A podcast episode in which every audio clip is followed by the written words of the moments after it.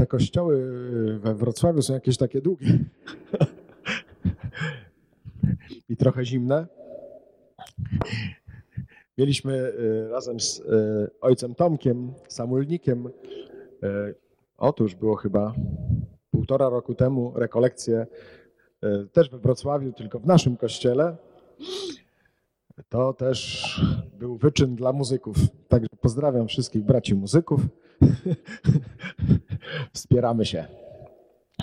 Ale jednocześnie tak to bywa, że towarzyszy nam wtedy bardzo proste błogosławieństwo. I myślę, że to, co już słowo nam powiedział czas Eucharystii, czyli żeby y, nie tyle koncentrować się nawet na wielkich rzeczach, co że w oczach Pana Boga w rzeczy wielkie i małe mniej więcej są podobne, to bardzo warto sobie uświadomić że z takiej perspektywy, jak Bóg stał się człowiekiem, kiedyś ukazał się podobno podczas modlitwy e, takiej mistyczce Małgorzacie Alakok, Pan Bóg, a ona go bardzo prosiła, żeby jej ukazał, jaka jest różnica między Bogiem a człowiekiem. I miał jej to pokazać w taki sposób, że pokazał jej jakby ludzką postać, która trzymała ziarnko piasku. I gdy ona spytała, czy to ziarnko piasku to jest człowiek, Bóg miał się uśmiechnąć i powiedział: Nie, to jest cały świat. To z perspektywy Boga rzeczy małe czy duże dla nas nie mają wielkiej różnicy. Więc e, równie dobrze możemy się modlić o duże rzeczy, jak i o małe. Dla niego nie ma wielkiej różnicy. Mówię też w tym kontekście bardzo prostym, Mówię, Panie Boże, jak sobie tu stałem, e, o co można się modlić, jak jest zimno? O ciepło. Bardzo dobra odpowiedź. O ciepło. A jak to zrobić? A jak to się robi zwykle? Jak jest na przykład mała dziewczynka albo mały chłopiec z rodzicami w kościele to co robią rodzice, żeby było ciepło? No nie, nie nachuchają raczej, prawda? Nie robią y, szybkiego ogrzewania, nawet jak tato jest najsprytniejszym inżynierem. Po prostu przytulają. I mówię, no to Panie Boże, do dzieła. I zacząłem tak modlić się i nagle czuję, gdzie mi zimno? W stopy. Tutaj podotykaj. Ciepło. O, w głowę teraz. Ciepło. O, znów w nogi. Ciepło. W gardło. Ciepło. Spróbujcie sobie. To taka mała podpowiedź. E, dlaczego ja się na to dzisiaj zdecydowałem? E, ojciec Joachim Badeni, mój mistrz duchowy, był wielkim hrabią. Jego matka była księżniczką szwedzką. O co ja się do niego najczęściej modlę? O miejsce na parkingu. Jak można hrabiego prosić o miejsce na parkingu? Dzisiaj prosiłem, od razu mi znalazł. Czemu nie? Jest ci zimno? Poproś o ciepło. Jest, masz ten czy inny problem? Poproś przyjdzie sama Maryja albo pośle aniołów, włożą ci ręce czy skrzydła na głowę, już będzie ciepło. Obłożą ci stopy, już ci będzie ciepło. O to chodzi. Jak umiem o to prosić, to będę umiał prosić o największe rzeczy. Bo problem, który my mamy najczęściej, to jest pycha. A pycha nie polega tylko na tym, że mam nos w chmurach, ale bardzo często na tym, że nie mam otwarcia albo na wielkie rzeczy, albo na małe rzeczy. Jeżeli mam otwarcie tylko na wielkie rzeczy, a na małe nie, to nie mam otwarcia. Jeżeli mam tylko na małe, pokorne, a na duże nie, to nie mam otwarcia. To znaczy, jestem małoduszny. mam małą duszę, mało otwartą na Boże działanie. I mówię o tym na samym początku, żeby otworzyć Wasze umysły, Wasze serca, Wasze pragnienia. To wszystko, z czym przyszliście. Nie ma żadnej rzeczy, która by była nieważna w Waszym życiu, z którą przyszliście dzisiaj. Jeżeli Pan Bóg jest tutaj z nami i Tobie pozwolił tu przyjść, bo my sami tu z siebie nie przyszliśmy. Bóg nam pozwolił tu przyjść. To pozwolił nam przyjść ze wszystkim, co niesiemy. On nie mówi przy drzwiach: Z tym i z tym cię wpuszczam, z tym i z tym nie. Co więcej, przede wszystkim mnie chce z tym, z czym najchętniej bym w ogóle do niego nie przyszedł i bym mu się nie pokazywał.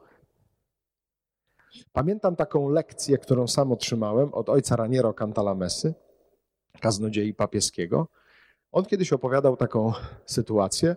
Był u swojej e, znajomej w Ameryce, która miała bardzo duży dom. I e, w pewnym momencie zadzwoniła do niej przyjaciółka i mówi, że zaraz przyjdzie.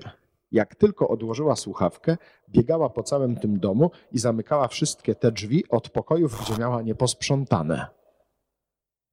I wtedy w sercu Raniero zrodziła się taka modlitwa: Panie Jezu, jak do mnie zadzwonisz i powiesz, zaraz przychodzę, to spraw, żebym robił zupełnie odwrotnie niż ta moja znajoma. Bo mówi, jeżeli to zdanie jest prawdziwe, nie potrzebują lekarza zdrowi, lecz ci, którzy się źle mają, nie przyszedłem powołać sprawiedliwych, ale grzeszników, jeżeli to jest prawdziwe słowo, to on przede wszystkim przyszedł do tego, gdzie jest nieposprzątane, gdzie jest niepoukładane, gdzie jest niezdrowe, gdzie jest trudno. Przede wszystkim w te miejsca chce przyjść, nie w te, które są na pokaz, nie w te, którymi byśmy się pochwalili, nie w te, których się w ogóle nie mamy jak wstydzić. Raczej przychodzi do tych miejsc i rzeczy, które potrzebują Jego obecności, bo bez Niego sobie nie poradzą. Bo bez Niego będą chore, kruche, słabe. Będą nam przynosić tylko trudności w życiu. Inaczej nie miałby na imię Jezus, czyli Bóg zbawia, bo nie miałby co zbawiać. Dzisiejsza konferencja ma być o uwielbieniu, która, które nas uzdalnia do modlitwy wienie. To jest niezwykle ważny temat dla mnie, szczególnie ostatnio. E, rozmawialiśmy o tym dosłownie dwa dni temu z niejakim Poltkiem Twardowskim, który Was serdecznie pozdrawia, bo jak mu powiedziałem, że tu jadę, kazał Was bardzo, bardzo pozdrowić. To, jak my zaczynaliśmy uwielbienie Poznaniu z 18 lat temu, to mieliśmy bardzo jasne przeświadczenie, że uwielbienie ma być tylko dla uwielbienia. Że przy okazji y, uwielbienia nie ma żadnej modlitwy wstawienniczej, nie ma żadnego uzdrowienia, nie, nic nie ma takich rzeczy. Już nie mówiąc o jakiejś promocji książki chrześcijańskiej, czy tam nie wiem co jeszcze, nie? A propos promocji, mam tu parę audiobooków. Również taką właśnie z pierwszej rekolekcji na fali wielbienia, gdzie absolutnie mieliśmy to przeświadczenie. I naprawdę przez te wszystkie lata Pan Bóg tak nas prowadził do tego roku. Wrocław ewidentnie nas wyprzedza. Nie wiem, od 18 lat się modlicie? Nie. No więc właśnie. Nie? Bardzo konkretnie. Nie wiem, co to jest. Przyznam, nie mam tego zupełnie rozeznanego, ale z ręką na sercu mogę to powiedzieć.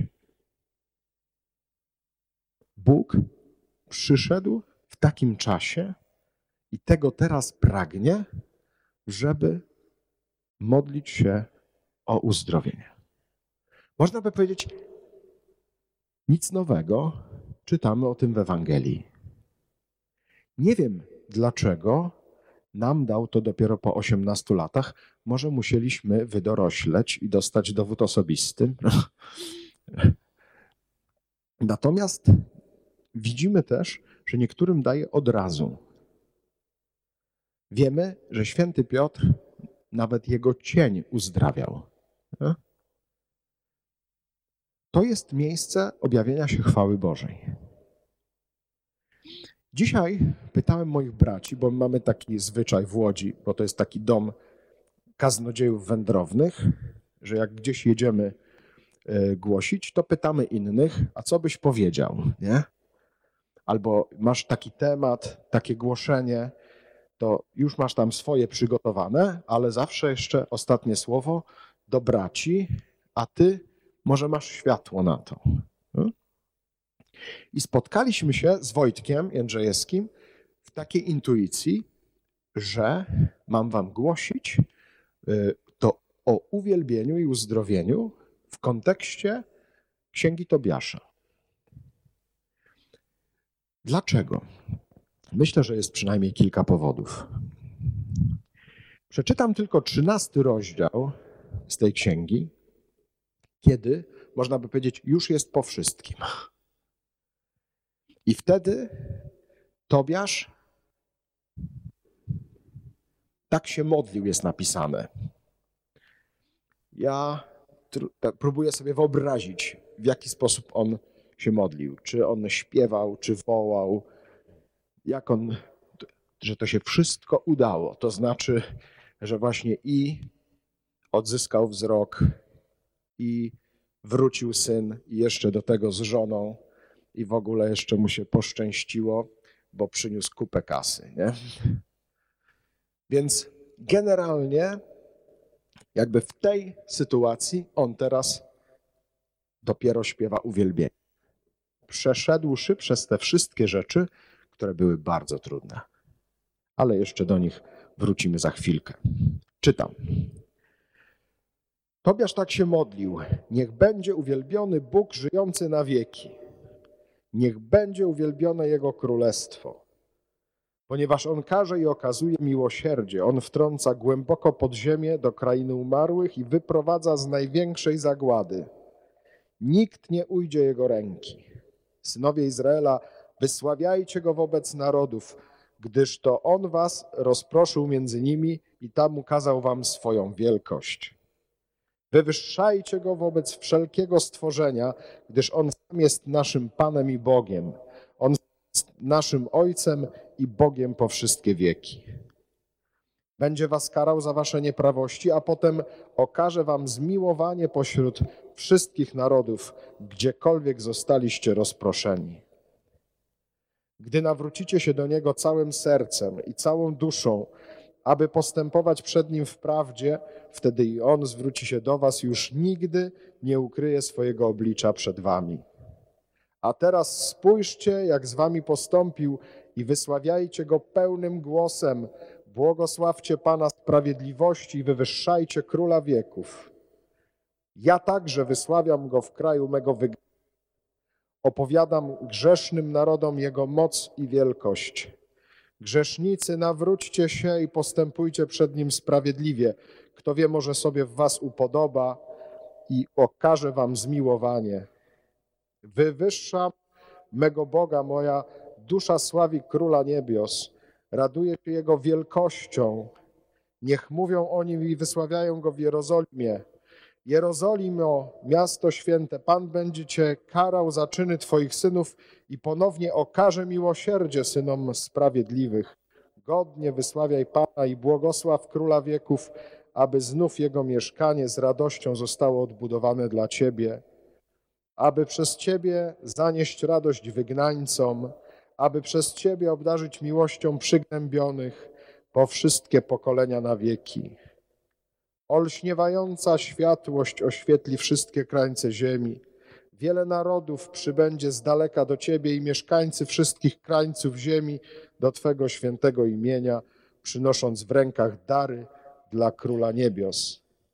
Wszystkie pokolenia będą się cieszyć dzięki Tobie i Twe imię wybrana pozostanie przez pokolenia na wieki.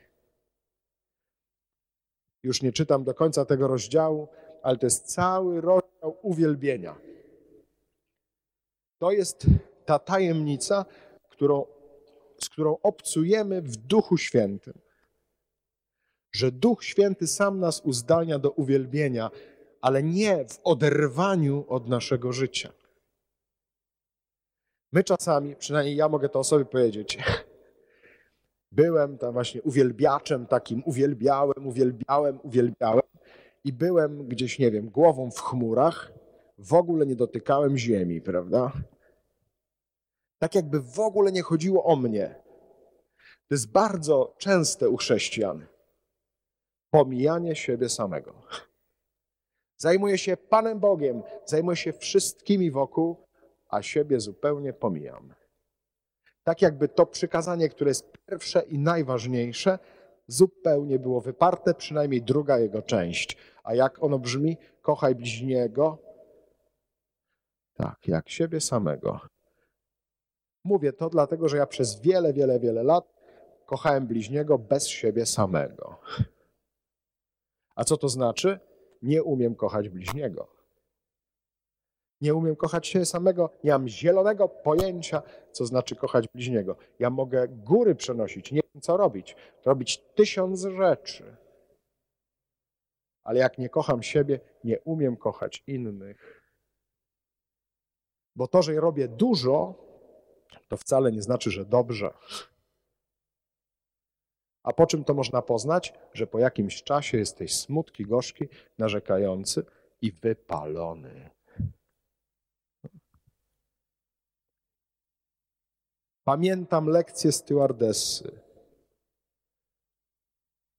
Jak wypadają maski w samolocie, najpierw nakładasz sobie, potem dziecku. Jak pierwszy raz to usłyszałem, mówię, absurd, jak to? Przecież dzieci trzeba ratować. Stewardessa dodaje, nawet jak dziecko uratujesz, a dziecko widzi, jak mamusia umiera, to raczej mu to dobrze nie zrobi.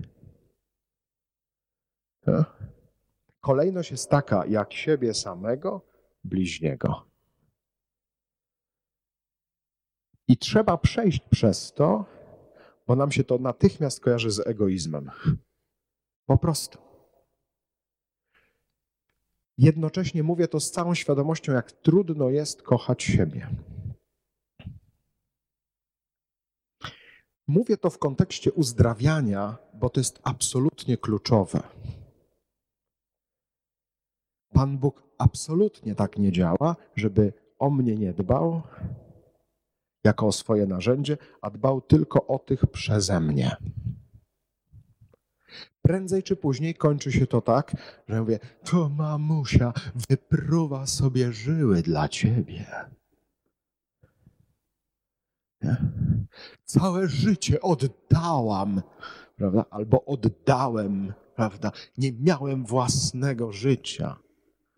Trzeba by powiedzieć, to czemu nie miałeś, nie? Jak nie miałeś własnego życia, jak nie miałaś własnego życia, to nie nauczyłaś, nie nauczyłeś dziecko, jak ma żyć. Bo ono będzie dokładnie robić tak jak ty odbierze sobie życie, wypruje sobie żyły i dzieci będą miały, czyli wnuki, ten sam problem. Nie będą wiedzieć, jak mają żyć. Hmm? Nie będą wiedzieć, co znaczy kochać siebie, a potem bliźniego, bo nie będą znały granic. Mówiąc bardzo prosto, ja pamiętam, byłem kiedyś duszpasterzem młodzieży, szkół średnich I pamiętam, właśnie tam właśnie były takie matki, co wypływały sobie żyły. I dzieci nagle, gdy rozmawiałem, mówią tak: Moja mama kupiła sobie beret, ale czad. Ich dużo bardziej cieszyło, że mama o siebie zadbała, niż że zadbała o nich i wypruła sobie żyły. Bo co to robi z dzieciom? Poczucie winy. Że mama jest taka wypruta przeze mnie. Że to ja jestem winny, że mama jest tak zmęczona. Czy ja potem chcę mieć w przyszłości jako mama być w takim stanie? I nie o to mi chodzi, że nie warto się poświęcać dla drugiego. Bardzo warto się poświęcać dla drugiego, o to chodzi. Tylko to nie musi być bez miłości do siebie samego. Przyznam, że ja się nauczyłem od wspomnianego już przed chwilą przeze mnie ojca Joachima. Co znaczy być hrabią? Musiałem go podglądać, dlatego że ja jestem takim synem chłoporobotniczym. Moi rodzice skończyli po siedem klas, byli ze wsi, przenieśli się do miasta, tam pracowali. Mój tato najpierw był rzeźnikiem, potem na hucie pracował. Moja mama była krawcową. Nauczyłem się prostego, szlachetnego życia, ale potem wyczytałem w Biblii, że mam być dzieckiem króla. Co znaczy być dzieckiem króla? Nie mam o tym zielonego pojęcia. Ale w klasztorze żyje hrabia. Zawsze coś? Popodglądam go, hmm? Mówiąc prosto. I rzeczywiście, to była dla mnie niezwykle ważna lekcja. Później podobną lekcję otrzymałem na modlitwie kiedy Bóg mi powiedział: Tomku, chcecie ubrać w najlepszą szatę, pierścień na rękę i sandały na nogi, a nawet koronę na głowę, bo jesteś synem króla. A ja mówię: Nie, nie. Ja ci wszystko zrobię. A on mówi: Ale ty chodź. A mówię: Nie, nie. Ja tu pospowiadam, tu po ten, tu po rekolekcję, tu powiem konferencję, tu przyjadę, tam pojadę, wszystko zrobię, ile tylko chcesz. On mówi, nie, nie, ja chcę, żebyś ty przyszedł. Nie. Ja naprawdę nie umiałem przyjść do Boga tak po prostu. Umiałem być najemnikiem, a nie umiałem być synem króla. Na szczęście Pan Bóg jest sprytniejszy ode mnie i mam nadzieję od każdego i każdej z Was. Pamiętam, uciekłem z tej modlitwy i poszedłem na kawę do kawiarenki. To było na tych rekolekcjach na fali wielbienia pierwszych. I podchodzi Piotr Baron, który tu pochodzi, jazzman taki saksofonista, który pochodzi z Wrocławia. Nie wiem, jak to się stało. Ja piję kawę, on podchodzi, zdejmuje taki sygnet miał i mówi: Bracie, to dla ciebie jest. Skąd on wiedział, że ja właśnie uciekłem przed tym sygnetem przed chwilą z modlitwy? I upokorzenie polegało na tym, że musiałem powiedzieć: Od Boga nie wziąłem, a od Piotra wezmę. Bo mi wstyd. Nie umiem człowiekowi odmówić, a Bogu umiem odmówić. Kocham bliźniego bardziej niż siebie samego a nawet bardziej niż Pana Boga. Tyle, że Pan Bóg Jego posłał, żeby to mi uczynił. I później w modlitwie usłyszałem, bo tylko król nie czuje się poniżony, gdy umywa drugiemu nogi. Jeżeli ja mam służyć, umywać nogi, czy jako kapłan, czy w jakiejkolwiek innej posłudze, to najpierw ja muszę być wywyższony, żeby się nie czuć poniżony.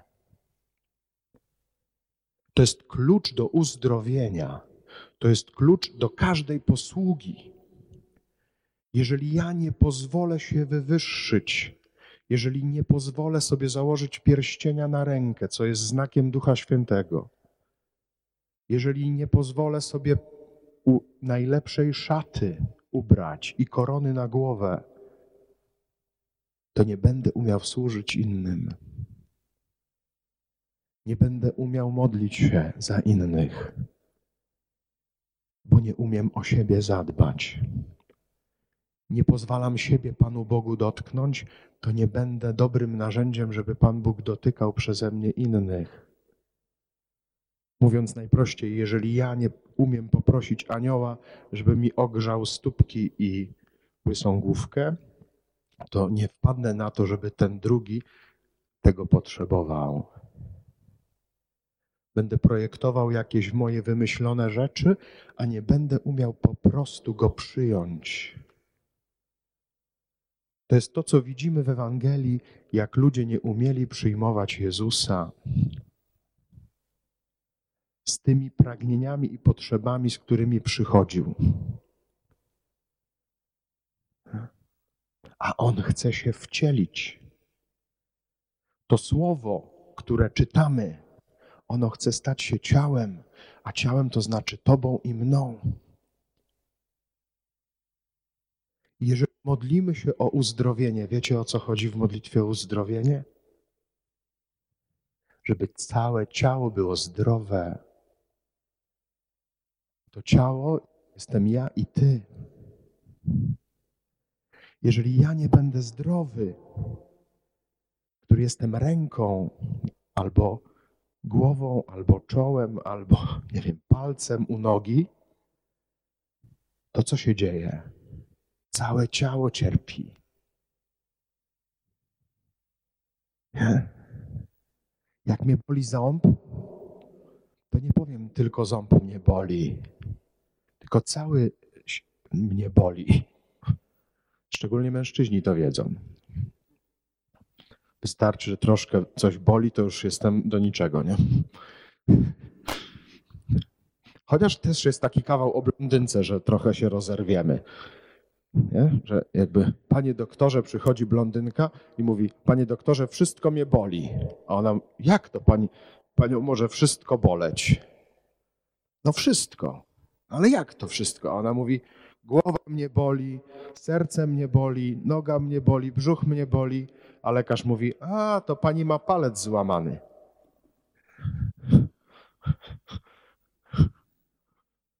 Nie?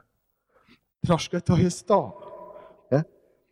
Ale odchodząc od tego żartu, zobaczcie, inaczej by Bóg nie użył tej metafory i nie powiedział o tym, że On jest głową ciała, czyli Kościoła.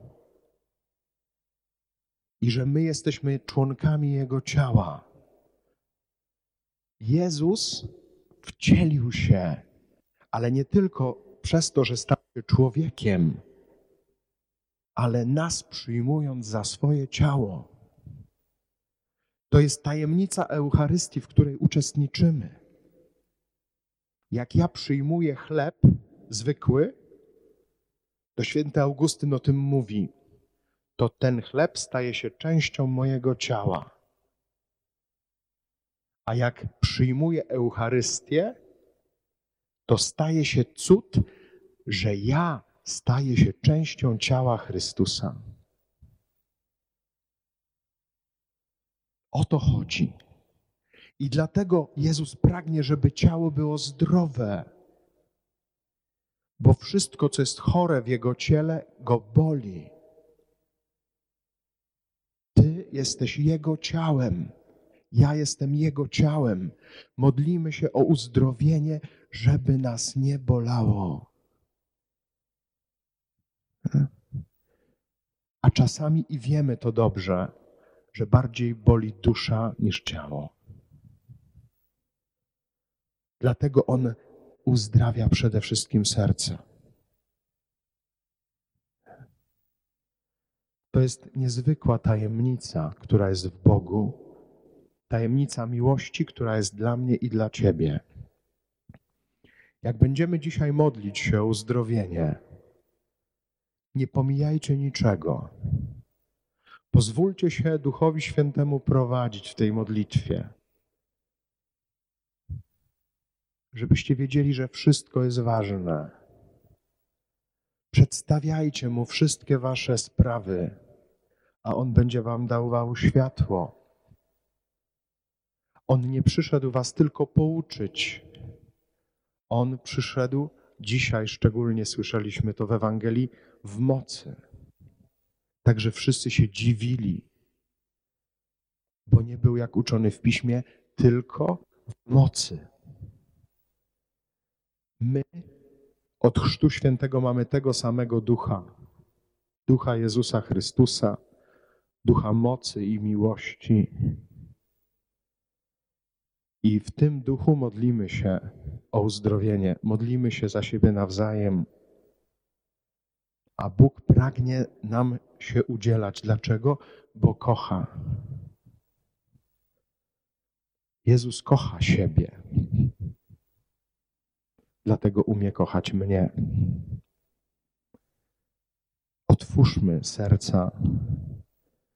Pozwólmy pokochać siebie, a będziemy umieć też kochać siebie nawzajem.